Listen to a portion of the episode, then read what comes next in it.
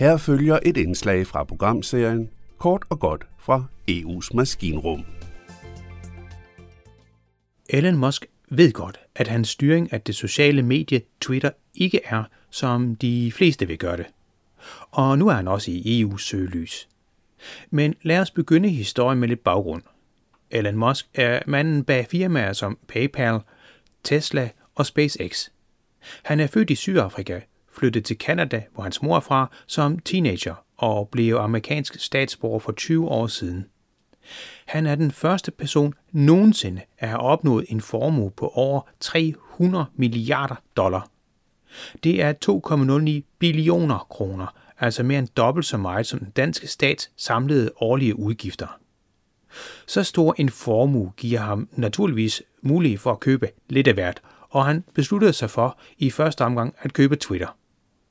Hvorfor er lidt usikkert, men mens den hovedrige milliardær var på vej til at købe, så ikke købe, så købe Twitter, røbe han, at han blandt andet ville give Donald Trump adgang til mediet igen. Argumentet var, at sociale medier skal være frie. Alle må mene og tro, hvad de vil. Jeg vel ja. Men da han så havde overtaget Twitter og havde sat sig til rette i direktørstolen, mente han i hvert fald ikke, at den frihed skulle gælde en række prominente journalister. Han udelukkede dem simpelthen fra Twitter. Men den går ikke, mener EU.